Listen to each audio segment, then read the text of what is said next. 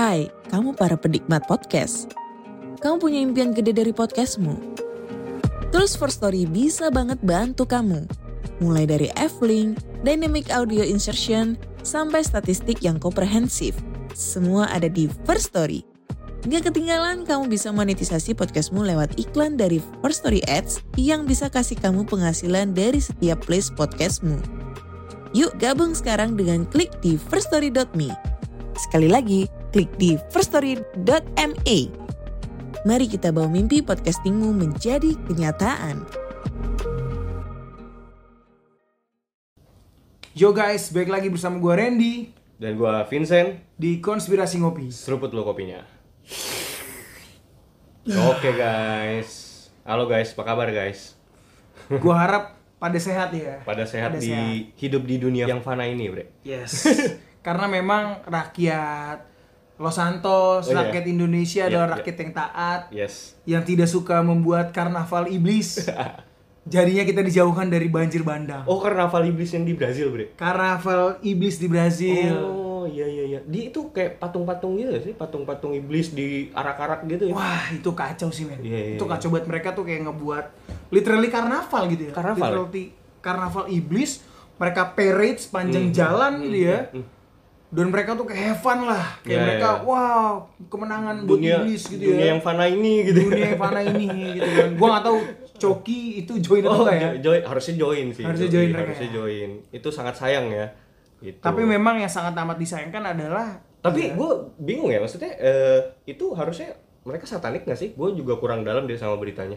Gue Iya, baru ngeliat scroll scroll gitu doang tuh. gue pribadi nggak terlalu tahu ya. Ah. Either mereka satanik atau mereka kayak cuma ya udah gue pengen have fun. Heeh. Ya udah, gue nggak peduli ada Tuhan atau enggak. ya. Gitu loh. Karnaval setan ya. Tapi Ya. at least paling gak itu bisa meng apa ya? Bisa mengerucutkan suatu fenomena yang emang udah di eh, singgung-singgung di dalam kitab-kitab sendiri ya, Bre.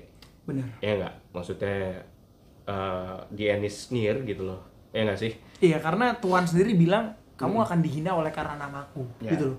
Sebelum mereka menganiaya kamu, sebelum mereka menghina kamu, mereka sudah lebih dulu menghina aku. Ya itu satu. Kedua ya eh, penyesatan akan ada di mana-mana, Bre.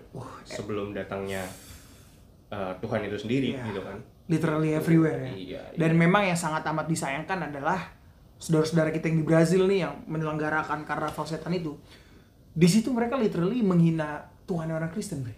Hmm. Mereka menghina Jesus. Oh gitu. Iya. Frontal ya? Wah itu bener-bener ada dalam suatu adegan.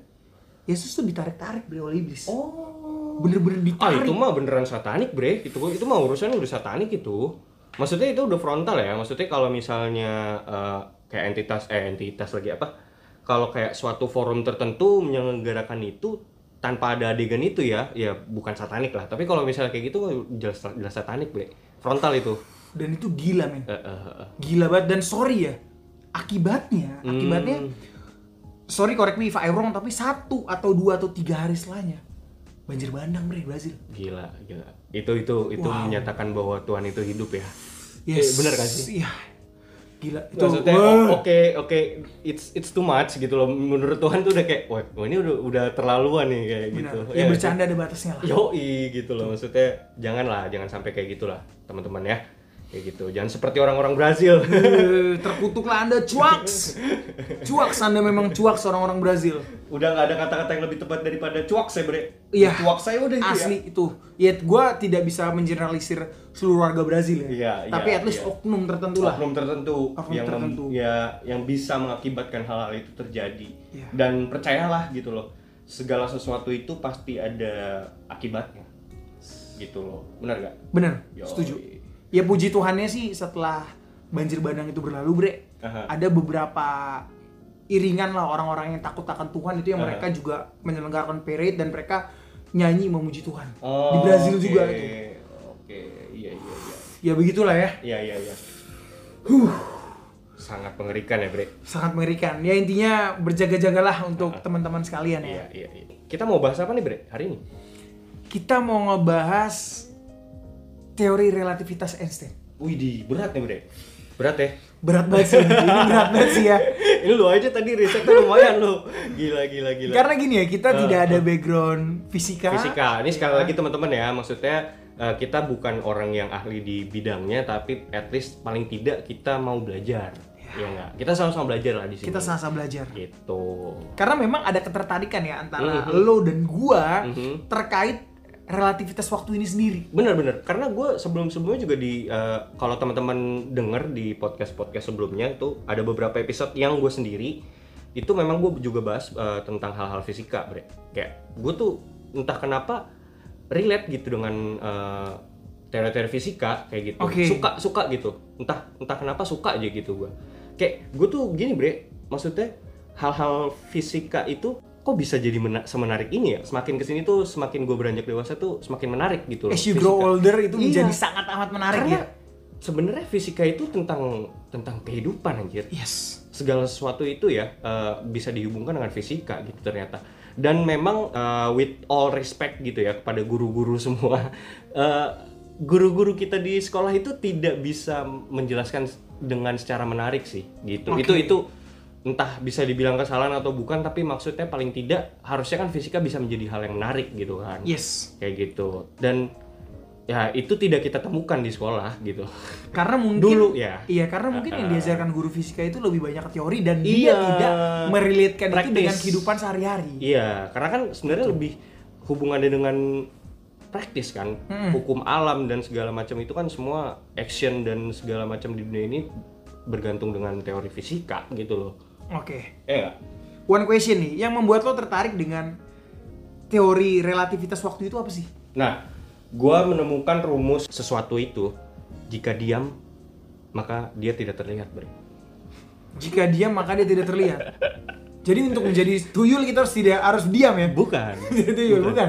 ketika sesuatu itu diam maka dia tidak terlihat seperti wakil presidennya Los Santos Wow, cuaks, cuaks, cuaks, cuaks, cuaks.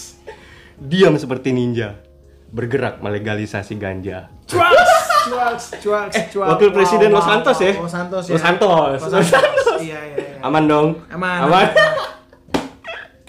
ada teori fisikanya juga Ada teori itu. ya? ada wakil presiden Los Santos Kalau gue tuh yang membuat gue tertarik bre dengan relativitas waktu itu ya nonton Avengers lah. Oh iya iya Gue pada saat nonton Avengers dan Iya, terjadinya multiverse gitu ya, Iya, iya. quantum physics dan segala macam, gue sampai bilang ini uh, total bullshit ya Iya, cuma imajinasi Iya, orang iya, iya. atau memang ada benarnya. ada benarnya Ya sampai gue akhirnya melakukan research ya gue bukan melakukan research literally research ya Iya, tapi iya, gue iya. lebih nonton film lah terkait apa namanya quantum Ya, physics itu terkait juga, multiverse itu iya riset juga riset pribadi lah bener jadi gue menonton itulah gitu Mm-mm. Nah. ya maksud gue sih menurut gue uh, Avengers adalah salah satu film ya yang bisa berha- sangat berhasil bre mengangkat teori teori fisi- teori fisika ke dalam pop kultur gitu itu yang paling berhasil menurut gue dan bisa jadi hal yang bisa ditelan sama khalayak umum gitu Bisa yang tadinya diterima ya. iya seberat itu gitu kan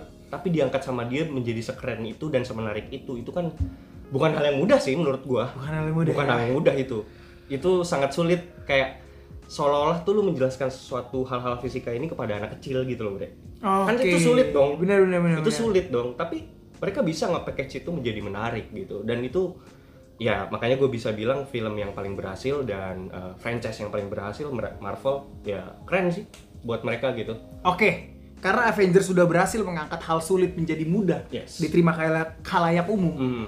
Gimana kalau kita menjadi podcast pertama bre yes yang mengangkat hal rumit ini berat ke Wah. dalam obrolan warung kopi boleh juga tuh Ah. boleh juga tuh Jadi- sesuai dengan konsep kita ya konsep kita Yoi. Jadi di saat- Tongkrongan ya iya membawa relativitas waktunya Einstein ke ranah Warung kopi. dan warung kopi. Jadi ketika tukang becak datang, kita bisa menjelaskannya. bisa Tom itu langsung sotoy woi gua ngerti nih Wow, gua ngerti. waktu Heeh. Aing, aing ngerti, aing ngerti katanya, kan gitu ya. Bisa, bisa, bisa. Iya, Oke, jadi kita ya. bakalan coba nih ya, kita bakalan jadi podcaster pertama Yoi. yang ngangkat ini dengan seeasy mungkin, yoi. mungkin gitu. Eh, kita anggap aja ini warung kopi ya kan, Eh, gitu. Kita anggap warung kopi. Oke, jadi buat teman-teman sekalian nih, one question udah siapin kopi belum? Nah, ah. Kalau belum siapin kopi, siapin dulu. Iya, terus eh, siapin mental lu, nggak usah terlalu tegang, usah tegang, nyantai aja, santai. nyantai aja, seruput dulu kopinya ya kan. Kopinya mau minum kopi apa nih? Kopi kenangan. kopi kenangan, kopi kenangan. Nggak masuk masuk tapi kopi kenangan nih. Iya nih, bingung gue juga. Apa kita endorse kopi lain aja nih? Emang harus dijemput bola, Harus sebut bola lu sediain kopi, kacang gitu ya, Yoi. cemilan, sambil lu dengerin baik-baik. Ya ini mudah-mudahan sih bisa dicerna ya dengan Bisa IQ dicerna 70 dengan ya. baik. Hah? IQ 70 bisa terang kan nih menurut lo? sulit sih harusnya sulit sulit sulit ya tapi semoga kalian bisa menelan ini dengan baik ya teman-teman nyantai aja nggak usah terlalu tegang Oke, pertajam analisa lu. perkuat dengan Cocok slogi. Oke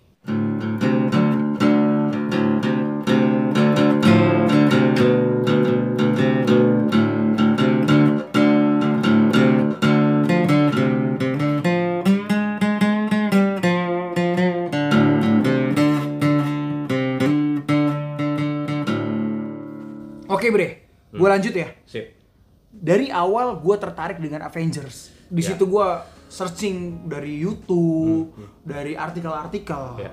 Nah, seluruh hal quantum physics atau apa pun itu yang berkaitan dengan multiverse itu akhirnya mengkerucut bre.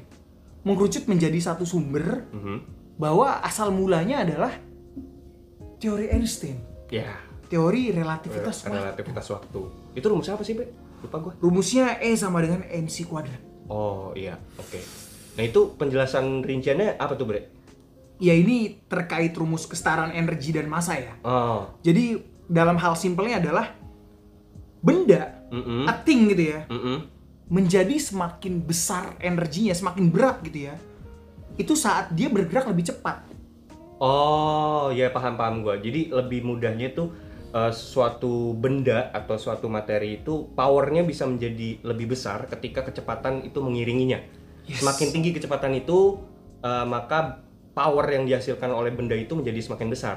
Yes. Oke, oke. Contohnya, Peluru. contohnya, ya peluru lah. peluru. Peluru. Selain itu ya hal simpel ada lagi. Hmm. Hal simpel, lo ambil botol vape. Ya, Ya oke. botol isian vape lah Iya, tuh. iya. Itu kalau lo lempar pelan, gue lempar pelan ke arah lo. Iya, iya. Lu nggak akan rasa apa-apa men. Benar, benar. Ya kan? Tapi ketika lu lempar itu secara kencang Dengan kecepatan yang tinggi, dengan kecepatan yang tinggi, lu akan rasa sakit men. Iya, karena massa dalam benda tersebut menjadi semakin besar. Yes. Oke, paham, paham, paham. Nah, Dapat gue logiknya, dapat, Ya. dapat. Tapi memang ada ini Bre, ada Hmm. keterangan lain ya. Keterangan lain Ya. bahwa gini, bahwa sebenarnya dalam satu benda itu, Mhm. let's say benda satu kilogram, Mhm. itu ternyata udah menyimpan energi yang begitu besar Bre. Oh, Di benda itu, even dia diam. even dia diem. Oh, gitu. Tapi permasalahannya adalah Ah. energi itu tidak keluar. Ya, karena kan energi itu eh, power itu harus keluar karena harus ada kecepatan kan. Nah, karena dia diam tidak ada kecepatan gitu. Tapi paling tidak power di dalam benda tersebut atau massa di dalam benda tersebut udah ada gitu. Sudah ada, Oh, gitu. sudah eksis. Oke, oke. Gitu. oke. Oh, oh. Nah, yang- sebesar apa, Bre? itu gue kurang tahu ya itu Ah. sebesar apa tapi intinya itu sebesar ya kayak bisa menimbulkan ledakan yang luar biasa besar bre Oh, gitu. iya Anjir. itu dengan satu kilogram aja Satu kilogram aja. satu kilogram benda Wow, wow, wow, wow, wow, wow. that's why kan Iya masuk. eh sama dengan MC kuadrat ini digunakan oleh US untuk produksi bom nuklir bom atomik. bom atom Iya, iya, iya, setuju. Gitu bom loh. atomik. Iya, iya. Benar, benar, benar. Oke, oke, oke. jadi semakin cepat benda itu bisa bergerak Mhm, energinya tuh semakin keluar jadi kita koreksi uh, stigma kita yang di awal mhm. bukan menambah energi atau menambah massa, tapi massa itu sudah ada. Jadi dengan Iya. kecepatan itu, itu hanya bisa nge-trigger untuk energi itu keluar jadi jadi keluar. Iya, iya, benar dong, benar dong. Jadi power yang dihasilkan oleh massa itu kan berga- berbanding lurus dengan Kecepatan. dengan kecepatan gitu. Makanya Yes. se- semakin besar kecepatan itu berbanding lurus juga dengan semakin besar uh, masanya itu gitu. Benar, Bre, nggak nggak salah gitu, kayak gitu. Nah, eh, itu asal muasal teori relativitas waktu, Bre. Oke, teori, teori relativitas waktu ya. Ya. Jadi eh, teori relativitas teori relativitas Einstein ini ditemukan tahun 1915. Hmm. Nah, teori ini mematahkan teori ilmuwan lain Mhm. bahwa ruang dan waktu adalah mutlak. Oke, jadi hal-hal fisik. Jadi sebelumnya ilmuwan mengkategorikan waktu dan ruang itu mutlak, Hmm. nggak akan berubah, Iya, iya, iya. iya. gitu loh. Tidak ada perubahan antara waktu. Jadi waktu itu adalah hal yang konstan, hal yang tetap. Oke, oke. Dan itu dipatahkan oleh teori relativitasnya Einstein. Oke. Gimana menurut lo?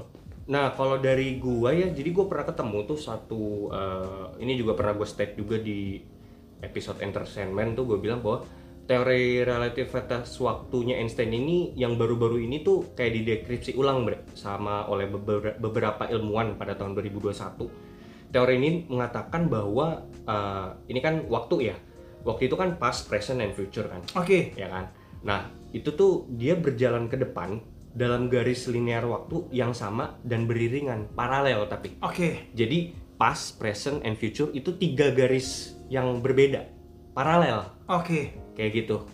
Itu itu yang makanya itu yang dimaksud dengan relatif. Berjalan bersama-sama ya. Iya, tapi tiga garis yang berbeda. Yang tadinya dipikir itu tuh garis yang sama, satu Oke. garis yang sama, yang berjalan ke depan past, present, future gitu kan. Mm-mm. Jadi berkesinam, berkesinambungan. Oke. Lah ini enggak. Jadi tiga garis yang berbeda, past, present, and future. Jadi punya garisnya masing-masing, past, present, future. Seperti itu. Kuantum fisik nggak sih? quantum fisik itu akan mengarah semua tuh ke quantum physics gitu karena nah jadi teman-teman sebelum kita masuk ke dagingnya nih bre yang kita mau masuk ke dalam waktu itu gua mau menjelaskan sedikit ya gue reminder sedikit. Gua pernah bahas ini juga di uh, podcast sebelumnya. Kan kita tahu ya bahwa objek fisik di dunia ini tuh kan uh, relate dengan 3D three dimensional. Ti- tiga dimensi itu kan sama dengan uh, materi space dan time. Kan gitu kan ya? Jadi uh, itu trinity-nya tiga dimensi gitu materi space dan time. Dan tidak ada hal di dunia ini pun yang berupa objek fisik tidak berhubungan dengan hal itu gitu. Itu harus berhubungan dengan hal itu kayak gitu. Kalau hal di luar itu berarti itu non fisik gitu. Itu Oke. yang yang dulu uh, ilmuwan tuh tahu kayak gitu seperti itu. Dan ini hal ini pun juga dijelaskan se- sebenarnya di dalam kitab deh Oke. kayak gitu. Jadi eh, bahkan Tuhan sendiri pun menciptakan hal-hal fisika di, di awalnya gitu. Eh, Tuhan itu menciptakan cahaya itu yang paling pertama kan di mana Tuhan menciptakan terang gitu jadilah terang. Nah itu cahaya tuh gitu. Terus eh, selanjutnya Tuhan juga menciptakan waktu. Dia memisahkan terang dan gelap itu menjadi siang dan malam. Itu Oke. waktu bre. Nah Tuhan juga menciptakan apa lagi? Space tempat langit dan bumi. Itu hubungannya semuanya ternyata yang diciptakan Tuhan itu adalah rumus fisika yaitu materi eh, ruang dan waktu three dimensional kan setelah itu kan Tuhan menciptakan manusia kan? Dari objek fisik dong materi gitu kan? Nah artinya eh, manusia dan segala sesuatu yang berada di bumi itu tidak bisa keluar daripada tiga dimensional ini. Oke. kita terkungkung di dalam tiga dimensional ini gitu. Tiga dimensi materi space dan time gitu. Ya dari situ di dalam Alkitab itu kan Adam dan Hawa itu mengalami degradasi dimensional. Oke. gitu. Di mana ketika Adam dan Hawa makan buah itu kan bukannya dia menjadi serupa dengan Tuhan yang dalam artian Tuhan bilang itu kan tapi dia meng- mengalami degradasi dimensi gitu loh. Sifatnya mereka yang yang yang kalah dengan dimensi gitu. Dimensinya mah tetap konstan gitu tetap sama gitu. Cuman yang mengalami pengurangan kualitas itu adalah tubuh manusianya itu sendiri nah itu bisa dibuktikan di mana ketika eh, orang-orang zaman dulu itu kan hidupnya ribuan tahun ya kan? Makin ke sini makin ke sini seiring berjalannya waktu manusia itu makin mengerucut eh, umurnya gitu jadi Oke. 70 tahun.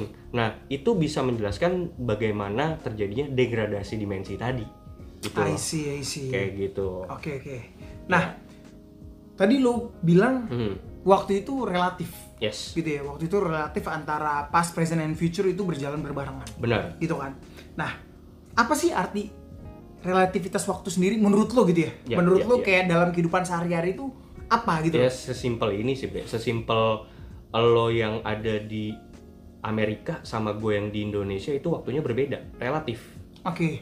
kayak gitu jadi ya tergantung si si yang mengalaminya gitu loh ini eh, waktu yang mana yang sedang dijalani dia gitu nah Einstein juga pernah nge-quotes nih Bre dia mengatakan bahwa perbedaan masa lalu dan masa kini dan masa depan hanyalah sebuah ilusi yang bersifat kokoh Oke. Nah itu tuh kalau dari situ gue bisa ngambil tuh bahwa waktu itu sendiri adalah suatu ilusi, tapi ilusi yang paling konkret. Oke. Paham nggak maksudnya tuh? Iya, iya, I see, I see, I see. Sebuah ilusi, tapi bersifat konkret, kokoh gitu loh, nyata gitu loh. Ilusi gitu, itu itu katanya si Einstein gitu. Dan teori ini pun sebenarnya dijabarin lagi dan bersinggungan dengan teori realitas, Bre. Jadi waktu itu eh, berkesinambungan dengan realitas. Jadi bisa gue jelasin bahwa yang menjelaskan bagaimana realitas itu sendiri pun sebenarnya relatif tergantung dari lini masa mana yang sekarang sedang dijalani oleh seseorang Oke. gitu. Jadi kayak eh, waktu gua yang sekarang ini adalah waktu Indonesia bagian barat. Waktu lu ya waktunya Amerika katakanlah. Nah, realitas gua adalah realitas yang paling hakiki menurut gua.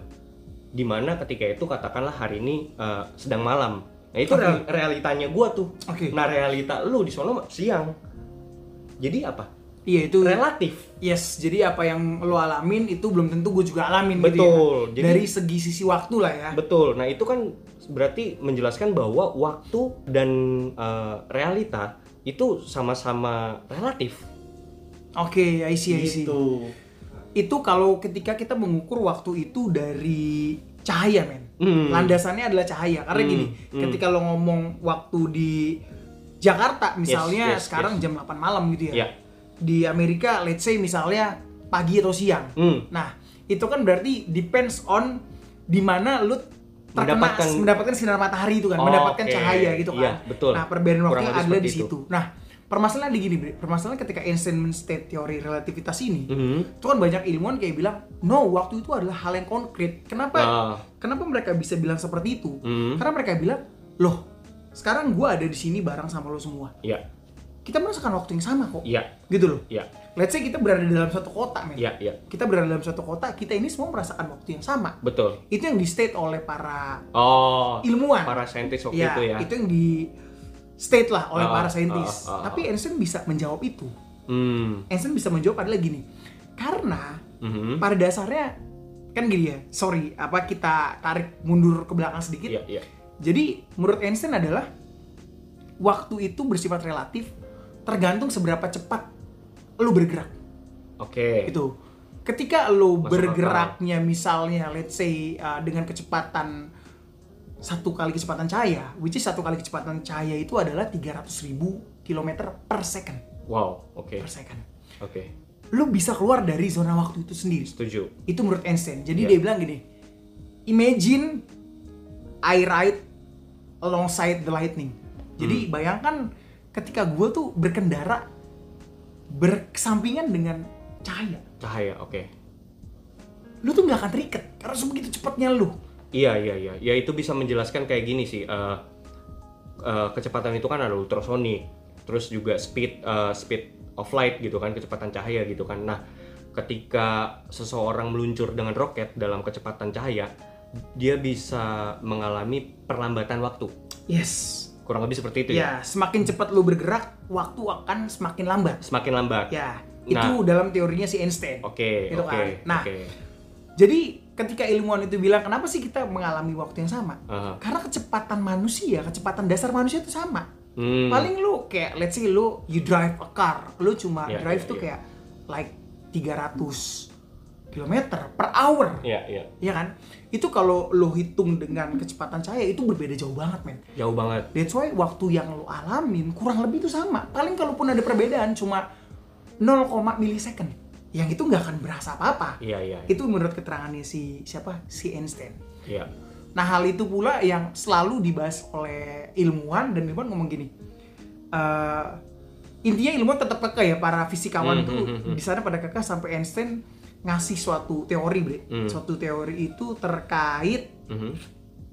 kerangka acuan inersia. Hmm. Nah, kerangka acuan inersia ini tuh maksudnya gini. Hmm.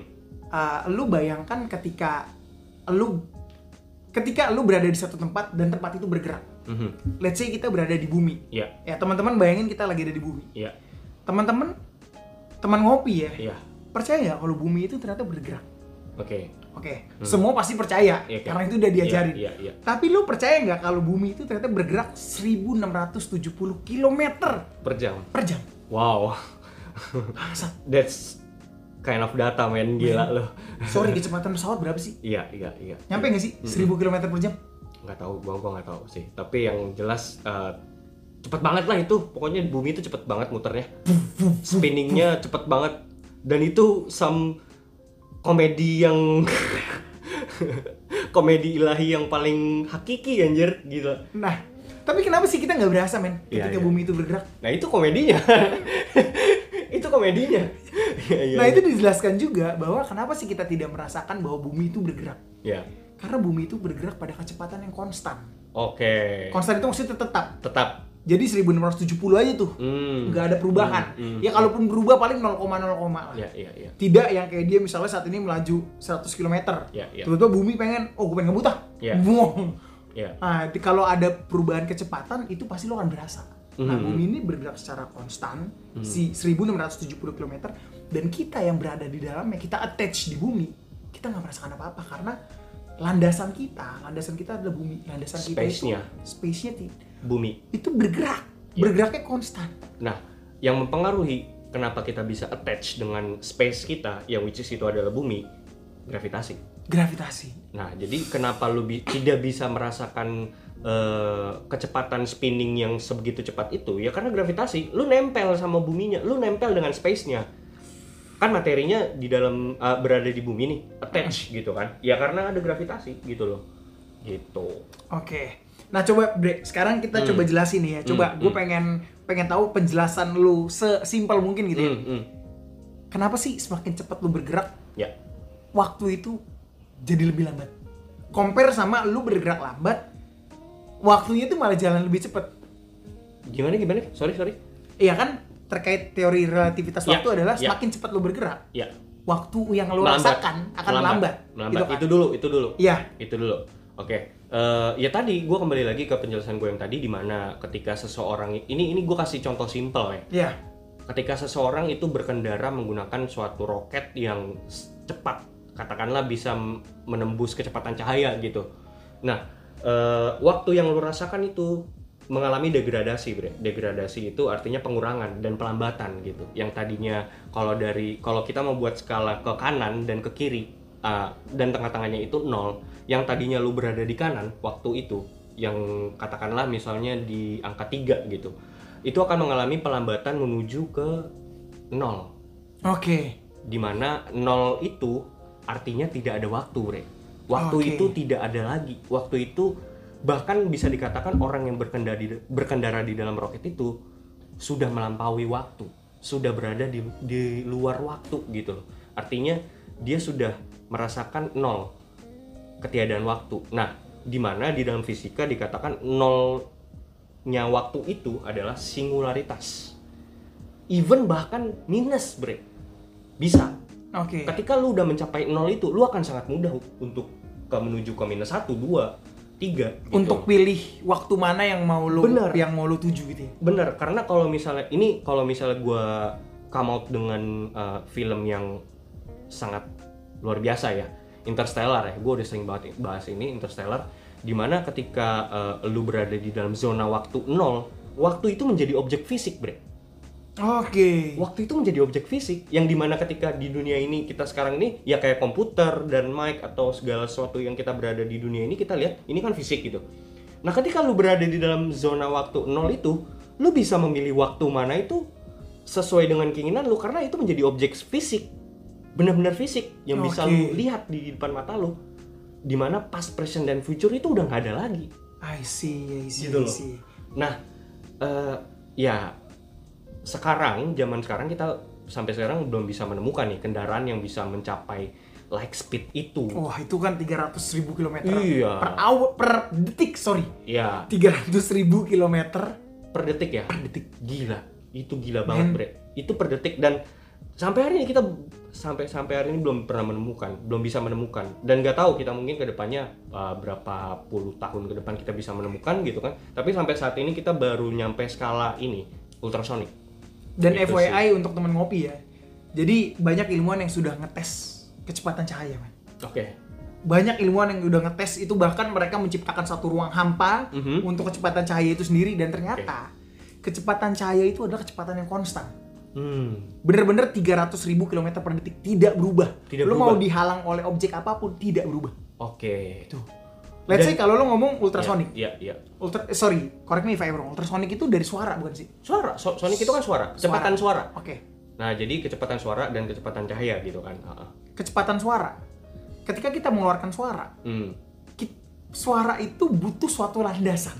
Oke. Suatu butuh landasan untuk suara itu sampai Hmm. ke si penerima receiver. Iya, iya, iya. Bener nggak? Benar, setuju. Dan landasannya itu adalah Udara. udara. Oke. Nah, udara itu sendiri adalah materi. Yes. gitu loh. Dia butuh materi gitu. Dia butuh hal-hal di dalam tiga dimensional itu tadi. Dia harus berkaitan dengan itu karena dia terikat dengan itu gitu loh. Yes. Dan Nah. dan bisa gue bilang suara itu sendiri adalah materi juga. Materi dong. Iya. Materi. Iya. Benar. Dan itu Nah, terus cahaya itu apakah harus mem- membutuhkan tiga dimensi ini, Bre?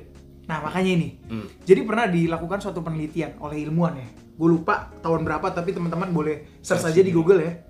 Jadi di situ ilmuwan ini saintis ngebuat suatu ruang hampa. Hmm. Di situ ditaruh jam waker, bre. Ruang hampa ini berarti tidak ada Antimatters. ah, anjing, tidak ada waktu, tidak ada space. Iya, intinya tidak ada materi apa pun. Ya, Oke, oke, oke. Gitu. Oke, berarti hukum fisika tiga dimensional itu tidak berlaku di dalam situ ya. Oke. Yes. Lalu? Ketika itu dibunyiin lah si jam waker itu. Oke. Alhasil Hmm. tidak terdengar apa pun. Oh, gitu. Tidak terdengar apa pun. Oh, masuk akal karena ya itu tadi kan suara membutuhkan materi udara kan Yes. untuk sebagai perantaranya gitu kan. Benar. Oke. Terus? Nah, ketika ditembakin cahaya, Mhm. nembus. Oh, jadi cahaya ada, Cahaya ada. hadir di situ. Hadir. Wah, gila sih. Gokil, gokil, gokil. Uh. Berarti dari sini, Bre, gue mengambil kesimpulan bahwa cahaya itu melintasi ruang dan waktu. Gokil, gokil. Artinya cahaya itu melintasi di interdimensi anjing. Interdimensi, iya, ya ini sama halnya dengan yang tadi gue bahas ya. Di mana ketika lu berkendara dengan kecepatan cahaya, lu ngeblend dengan cahaya, lu berada di luar ruang dan waktu. Yes. Anjing, Waktu gokil. nge-freeze. Waktu ini freeze. Even ya ya bukan jadi sesuatu hal yang tidak bisa lo comprehend lagi, tapi itu bisa menjadi sesuatu yang lo comprehend lagi. Lo bisa milih waktu yang mana, lo bisa kembali ke masa lalu bahkan gila, gila, main blowing banget ya.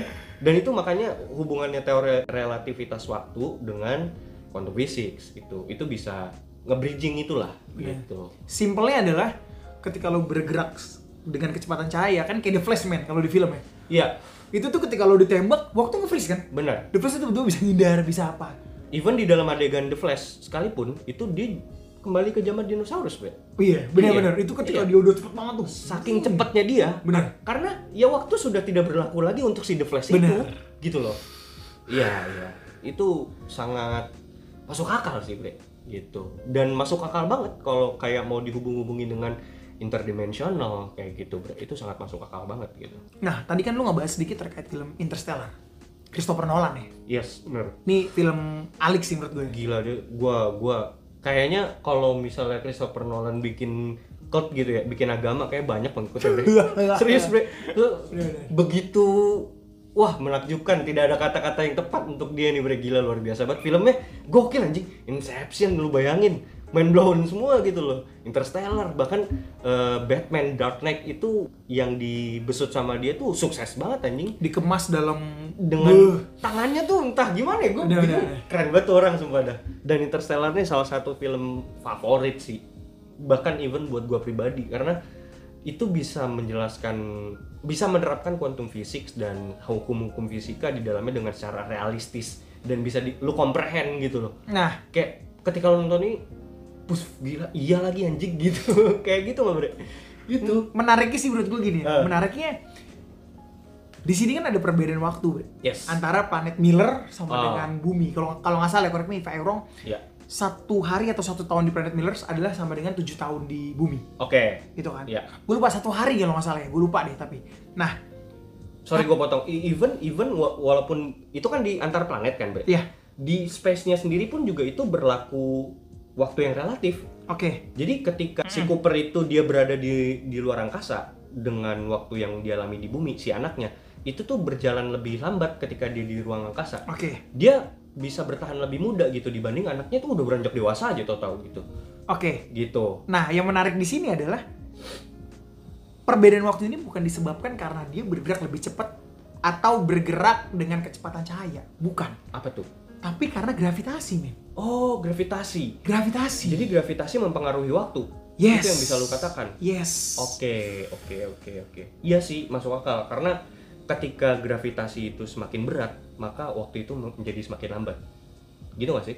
Ketika gravitasi itu semakin berat ya, Yes. semakin berat itu justru semakin cepat dong. Karena kalau misal di Interstellar itu kan dikatakan bahwa ada kan ada black hole di situ kan. Iya. Black hole itu adalah medan gravitasi terkuat gitu. Dan ketika orang tertarik ke dalam ya Cooper ketika dia tertarik ke dalam medan gravitasi yang paling berat itu, waktu tidak berlaku sama dia Anti karena melambat. sorry, anti gravitasi dong, karena kan dia mengambang. Jadi gravitasinya itu pada di titik nol bre bisa dibilang. Iya. Jadi wow, dia tuh kayak melayang. Oh sorry, ya, iya berat ya, iya Iya. benar, benar benar benar benar. Jadi gravitasi yang uh, semakin ringan, semakin melambat waktunya. Semakin melambat. Oke oke oke. Nah, Kebalik ya teman-teman ya. Iya. Oke. Dan ini menariknya adalah Mhm. gue gokil sih gue ketika Hmm, gue hmm. nonton film ini gue jadi Hmm. inget Hmm. ruang dan waktu Mhm. di Dragon Ball. Wah, Dragon Ball. Dragon Ball. Apa tuh, Bre? Film, nih sorry ya, ini film kartun tahun 90-an Iya, ya. iya. Tapi di situ udah pernah dijelasin anjing. Oh, gitu. Jadi ada satu tempat itu di kuil ya, di kuil Hmm, di, hmm. di tempat para dewa lah. Hmm. Jadi dewanya pada saat itu kan Piccolo. Dewa planet Namek nih. Piccolo nah di Ketika lu, lu yang menjelaskan kok lucu ya? Bangsat emang lu ya? Nah, si Piccolo ini dia punya ruangan, bre. punya ruangan, ruang dan waktu. Oke. Di situ gue Ya ruang dan waktu versinya Piccolo lah ya. Ya. Berarti kan bukan waktunya bumi dong. bukan Oke. beda waktunya. Beda. Nah, di situ gravitasinya tuh jadi makin berat, bre. Mhm. Gravitasi tinggi. Jadi ketika Goku masuk situ, Gohan masuk situ, mereka tuh susah bergeraknya. Hmm. Karena emang gravitasi tinggi banget. Dan di situ waktu tuh berjalan cepat banget. Jadi satu hari di bumi atau satu Oh. jam di bumi bisa berapa puluh hari di sana gitu loh. I see, I see. Jadi Goku ketika sel mau nyerang, jadi pada saat itu musuhnya sel, Aha. wah anjing sel udah mau hancurin bumi nih. Hmm. Sedangkan Goku belum kuat untuk melawan sel. Iya. Masuklah dia ke dalam ruangan itu Hmm. untuk latihan. Jadi kan satu jam di bumi Iya. sama dengan berapa puluh hari di situ. Jadi Goku bisa latihan udah makin kuat, balik lagi. Itu ceritanya Son ini lagi Son Gokong. Sun Goku juga gitu. Son Gokong kan ngilang dulu itu sebelum dia mempelajari 72 si ilmu sihir itu. Oh iya iya Bener iya. nggak? Oh iya ruangannya juga ruang waktu yang beda ya. Iya, dia ketemu entah dewa dewa bumi apa dewa apa gitu. Dia belajar Iya, iya, sama iya. dewa bumi itu dan hilang ke dalam suatu interdimensional something gitu dan padahal cuman waktunya cuman kayak seminggu atau dua minggu tapi tapi ketika dia balik tuh udah udah udah udah advance waktunya gitu berjalan lebih cepat gitu. Kayak Nah gitu. somehow tuh memang fisik itu berarti berkaitan ya dengan Hal- mitologi. mitologi benar Iya kan? benar benar. Karena Dan- ketika lo tadi ngomong Sun Gokong, Sun Hmm, Gokong itu hmm. mitologi men. Oh iya. Dan hal-hal fisika ini sangat-sangat berhubungan dengan mitologi. Ya tadi gue menjelaskan bahwa bahkan kitab suci lo sekalipun itu bisa dijelaskan secara fisika, men. Yang tadi gue bilang tadi bahwa eh, Tuhan itu menciptakan fisika. Tuhan yang menciptakan fisika di mana eh, space, matter, and time itu diciptakan Tuhan pertama kali gitu. Oke. Ya dan segala segala sesuatu di dunia ini berhubungan dengan fisika gitu. Dan itu sangat masuk akal banget, Bre, kayak gitu. Oke. Ini dari pembahasan kali ini, Hmm. gue nangkap satu hal yang memang bener-bener baru gue dapet ini. Apa tuh? Jadi gini, kan tadi gue gue minta sama lo gitu kan, lo Apa? bisa ngejelasin uh, teori relativitas bahwa waktu itu bersifat relatif, Yes. tergantung siapa yang mengalaminya. Setuju. Dalam kehidupan sehari-hari ya. Setuju. Kita ngomongin dalam kehidupan sehari-hari supaya teman ngopi yang Bisa relate. lagi ngopi nih saat Nah, ini kan, ngopi. ini bisa relate. Dan gue dapat satu hal, anjing ini mind blowing. Apa tuh? Bener banget dan gue percaya banget dengan teori Einstein bahwa semakin cepat lo bergerak, Mhm. waktu itu akan menjadi menjadi lambat, Iya. menjadi lebih lambat. Hmm. Tapi semakin lambat lo bergerak, Hmm. waktu itu akan menjadi semakin cepat. Dan gue baru ngalamin ini minggu lalu. Apa tuh? Jadi di sini gue akan jelasin ke lo secara kehidupan pribadi gue ya. Hmm. Lo bayangin ya teman-teman ya, termasuk lo Chen. Lo bayangin ketika lo Waduh. Tuh kayak dari CIA nelfon kita. Bukan. Ah, lanjut bro, lanjut. Oke lanjut ya. Coba kalian semua termasuk lo Chen, lo bayangin ya. Ketika lo mengemudikan motor, Yes. lo mengemudikan motor, let's say lo dari Bekasi men, Mhm. lo ke Kemayoran. It takes sekitar satu jam. Ya. Ya, Aha. Itu satu jam dan lu mengalami kayak buset waktu lama banget Aha. baru sejam gitu kan Ah. itu ketika lu riding with motorcycle Ya. Oke. ketika lu ridingnya menggunakan akar lu mengemudikan mobil Aha. dan ketika lu di jalan Aha. macet banget macet banget Aha. sampai akhirnya tiba-tiba karena saking macetnya ini yang gue alamin kemarin ya Iya, iya. gue berangkat setengah 8 gue nyampe Kemayoran setengah setengah satu siang it takes setengah 9, setengah 10, Ah. setengah 11, setengah 12, setengah 1, 5 jam Ah, dan gue ngerasa di situ waktu cepet banget Oke. semakin lambat gue bergerak Wak- Semakin cepat waktu, waktu. yang gue alamin cepet banget men Oke, paham gua. tapi ketika gue ketika gue naik motor Hmm. gue cepet nih naik motor ya mhm. baru sejam Ya, ya, ya. waktu yang gue alamin lebih lama Bre, dibanding Setuju. gue compare dengan gue naik mobil Iya, iya. Iya, eh, masuk akal, masuk akal. Dan gue bisa gue tambahin ya. Sesimpel ini sih, Bre. Dengan kehidupan kehidupan lu sehari, eh, kehidupan lu sehari-hari, lu nggak akan berasa dalam waktu waktu itu 24 jam itu ketika lu diam ngeliatin HP lu tiktokan. Dibanding lu workout bekerja atau eh, workout eh, olahraga gitu. Kalau lu sambil olahraga bla bla bla oh iya dari jam 8 menuju jam 9 tuh oh iya baru jam 9 gitu. Lu bisa merasakan waktu itu berjalan gitu. Dan dan dan eh, iya lu bisa merasakan waktu itu berjalan gitu. Tapi ketika lu stuck diam dan menatap handphone itu aja lu toto tuh dari jam 9 anjing udah jam 9 malam gitu. Iya kan? Waktu itu relatif menurut re- realitanya si orang itu kembali lagi ke tadi. Dijelaskan juga bre dikatakan bahwa teori ini mencetuskan tentang percentage view. Jadi yang menyatakan only the present is the set of reality. Jadi eh, ini menjabarkan bahwa realita orang itu tergantung si waktu yang dijalani sama orang itu gitu loh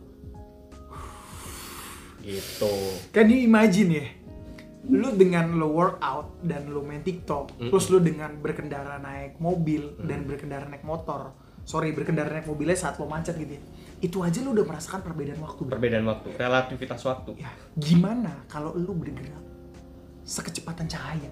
Dengan roket itu yang tadi gue bilang ya gokil Gila anjing. Sorry men, gue harus mengeluarkan kata-kata kasar gitu. Iya, iya, Karena lu akan rasain perbedaannya men, time freeze. Iya, Waktu itu akan terhenti. Iya, time itu akan berhenti. Akan menuju nol, yang tadi gue bilang. Lu akan berada di luar waktu itu. Lo akan melampaui tiga dimensi. Wow. Wow, wow, wow, wow. Nah, Gila gila gila. kan berarti kalau dari penjabaran dasar hukum fisika tadi, bre, relativitas waktu ini berarti dapat ditemukan bahwa kan eh, kita tahu ya bahwa waktu itu kan ada tiga ya, Eh, satu satu ruang di dalam tiga gitu kan. Eh, waktu yang past, present, and future gitu. Tapi ketika lo berkecepatan melampaui uh, kecepatan cahaya, lu akan berada di luar waktu itu sendiri. Nah ini sangat menjelaskan tentang quantum physics, di mana fisik itu menjadi meta. Fisik itu menjadi meta. Nah kalau meta itu sendiri, bre, itu bisa dijelaskan juga sama dengan artinya meta itu tuh across atau beyond atau inter. Jadi kalau metaverse artinya interverse, artinya inter dunia. Jadi eh, banyak kan banyak dunia nih, tapi melampaui dunia-dunia itu. Itu yang makanya disebut dengan metaverse. Makanya itu digunakan sama Mark Zuckerberg itu ya sangat relate ya kayak gitu. Terus kalau metafisik berarti antar fisik.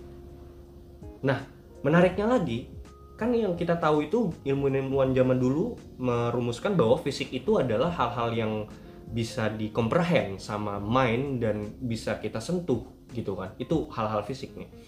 Nah, jadi ada seorang ilmuwan, Rizwan Ferk, ahli di bidang komputer dalam wawancara dengan Fox.com pada tahun 2020, dia mengatakan dan melansir salah satu eh, fisikawan ternama yang namanya John Wheeler deh. Dia bilang gini, saya akan membahas seorang fisikawan yang sangat terkenal, John Wheeler.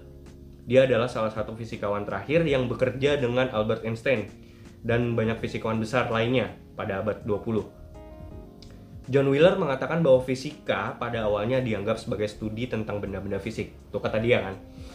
Bahwa segala sesuatu dapat direduksi menjadi partikel dan inilah yang sering disebut model Newtonian.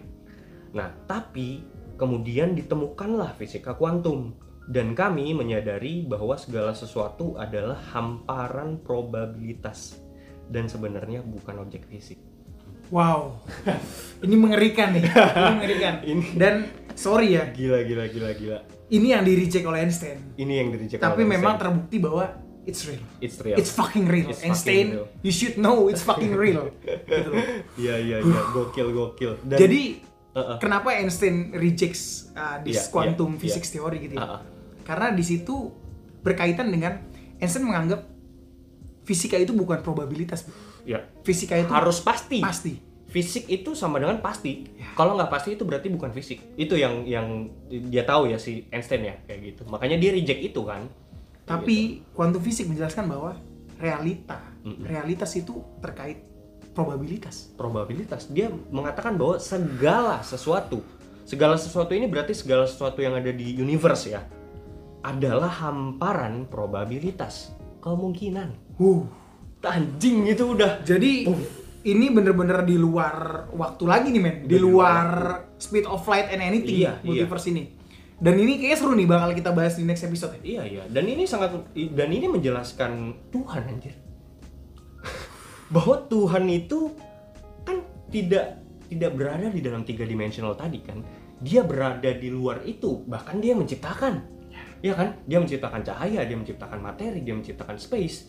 Ya kan? Gitu. Dan dia menciptakan waktu.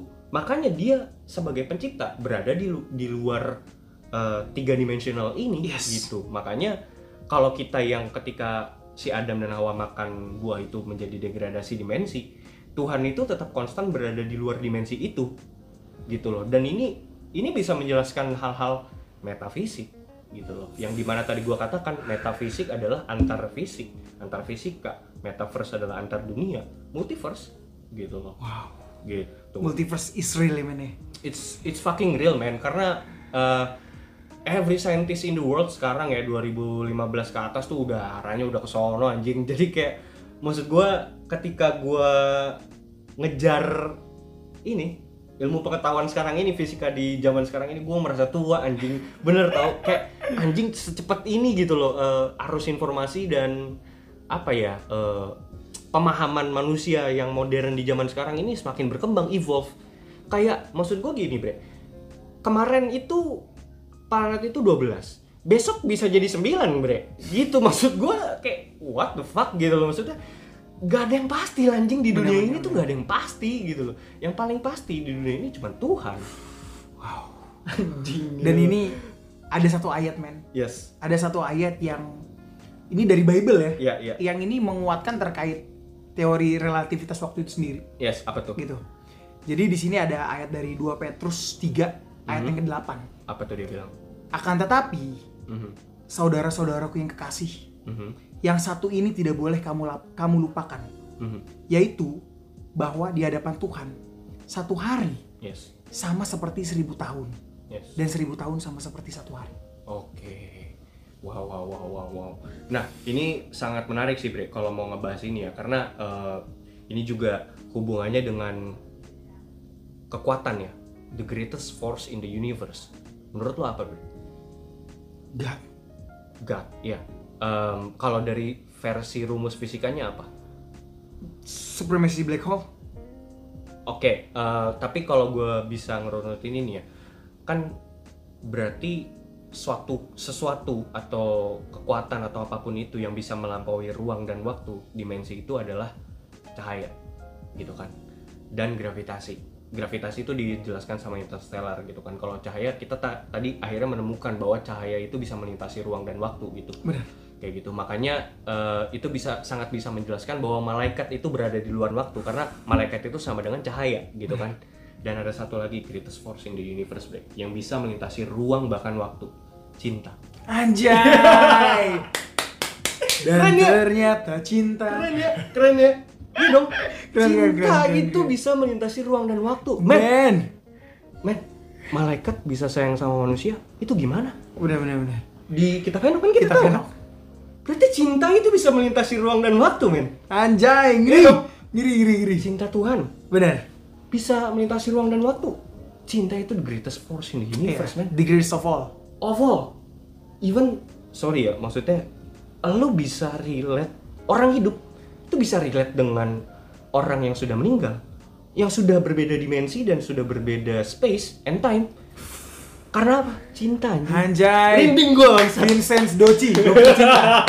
Lo ngalahin Doci Kuigaskin ya lo? Ini cinta universal ya, Iya, bukan cinta cuman cinta-cintaan monyet doang, tapi cinta universal. Bahkan eh, ya paling simpelnya ketika lu teleponan video call gitu misalnya dengan orang-orang yang lu sayang gitu kayak seorang ayah dengan anak gitu Benar-benar. kayak ruang dan waktu itu nggak ada anjing Iya, bener gak? Bener lagi. Dan gue lagi ngalamin itu lagi. Iya kan? Iya. Iya, kayak misalnya kayak Jakarta dan Medan itu kayak deket banget, iya kan? Iya gak sih? Bener, bener, Iya bener, kan? bener, Jadi bener. apa? Realitanya itu relatif, iya kan? Bener. Cinta hampir. Anjay. Cinta bisa menembus semuanya anjing gitu loh. Jadi semuanya ini muaranya cinta, Bre. Dari dari semua yang tadi kita bahas. Itu sama kayak film Interstellar tuh. Yoi. Cinta. Cinta, cinta gitu. Dan satu lagi ya yang merunutkan yang merunutkan apa namanya ah, segala macam fisik segala macam Yes. ilmu ini dengan ketuhanan gitu ya men. Mhm. Jadi tadi lo ngomong adalah cahaya dan kita ngomongin supremasi black hole gelap Ya, ya kan. eh, gelap dan terang. Ya, ini gue bacain ya kejadian satu ya. Ini kita ngangkat dari Bible karena Hmm. Yes. memang kita orang Kristen, Yes. teman-teman mungkin kalian bisa temuin uh, ayat dari versi Muslimnya sendiri juga gitu ya. Iya.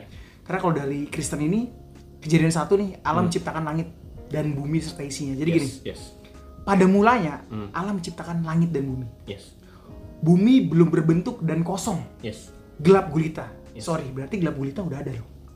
Iya. Sebelum bumi dijadikan gelap gulita udah ada. Ya, artinya bisa dikatakan gelap itu sama dengan anti materi. Ya. Gelap itu anti materi. Tidak ada materi, nol, kosong. Dan itu udah ada. Itu udah ada. Artinya itu adalah sesuatu yang non materi. Yes. Kayak gitu. Terus Nah, lanjut. Gelap gulita menutupi samudera raya dan Mhm. roh Allah melayang-layang di atas permukaan air. oke. Berfirmanlah Allah, jadilah terang. Oke, cahaya. Ya, lalu terang itu jadi.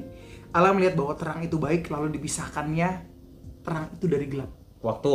Ya, dan Allah menamai terang itu siang dan gelap itu malam. Waktu. Waktu. Jadilah petang, jadilah pagi, itulah hari pertama. Oke. Dan di situ menjelaskan bahwa men Fisika itu bukan hal bukan hal-hal yang tidak berkaitan dengan religion. ya It's ini sangat related. sangat related man makanya gua sorry ya maksud gua lu bisa gak sih lu ngejelasin Tuhan? Men Tuhan itu all of logic man gila Tuhan itu sangat logik gitu loh. Kurang logik apa Tuhan gitu? Lu bagaimana bisa menjelaskan hal-hal gaib? Men itu semua tuh logik gitu loh. Itu semua tuh ada fisikanya anjing. Bahkan ya itu tadi metafisik. Semua orang sekarang sedang membahas itu metafisik metaverse ya kan?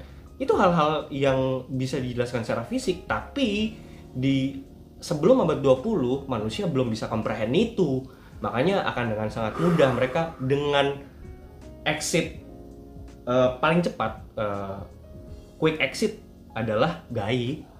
Gaib gaib gaib. Nggak bisa menjelaskan gitu loh. Tapi ketika di abad 20 sudah bisa dijelaskan sudah ada rumusannya.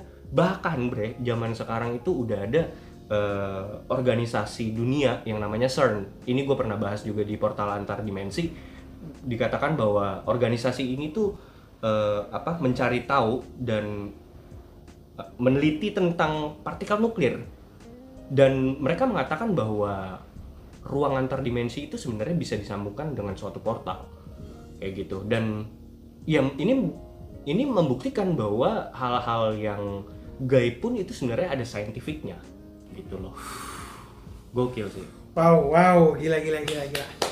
Ini episode yang berat tapi akhirnya we finish it ya. we finish it We finish it, we doing well. Menurut gua kita we doing well lah karena kita tetap uh, menanamkan nilai-nilai ketuhanan. Nah, Bre, ayat terakhir boleh dibaca. apa tuh Bro Vincent. Ini pesan ya, pes- pesan maksudnya gini. Terkait waktu ini, hidup itu semu, Bre. yes Hidup mana- itu fana sementara. Parah, men gila karena eh, sorry ya ini kalau misalnya teman-teman mau menggali lagi lebih dalam. Sebenarnya dunia ini fana dan sebenarnya kehidupan lu sebenarnya yang realita yang paling hakiki itu adalah realita yang mana sih menurut lu? Kan kayak gitu. Bahwa du- dunia ini kan mengajarkan bahwa realita yang paling hakiki dunia ini adalah jabatan tahta harta. Itu adalah hal-hal yang paling realita dan padahal itu sebenarnya ada materi. Itu berada di dalam tiga dimensional. Dan betapa bodohnya lu mengejar hal-hal materi yang sebenarnya ada di luar materi. Di luar tiga dimensional itu Tuhan anjir. Iya kan? Kok iya kan? Kenapa lu bisa terperangkap di dalam tiga dimensional itu? Ya karena Adam sudah memakan buah itu dan bisa terperangkap di dalam tiga dimensional itu gitu loh. Harusnya lu mengejar hal-hal di luar tiga dimensi itu which is keabadian. Surgawi. Bener gak bre? Benar. Anjing gue sebangsat ini bisa ngomong kayak gini bangsat. ya maksudnya ini satu ayat dari gue teman-teman buat lu orang. eh, sebab lebih baik satu hari di pelataranmu daripada seribu hari di tempat lain. Lebih baik berdiri di ambang pintu rumah Allahku, Tuhanku, daripada diam di kemah-kemah orang fasik. Konspirasi ngopi. Seruput dulu kopi ya.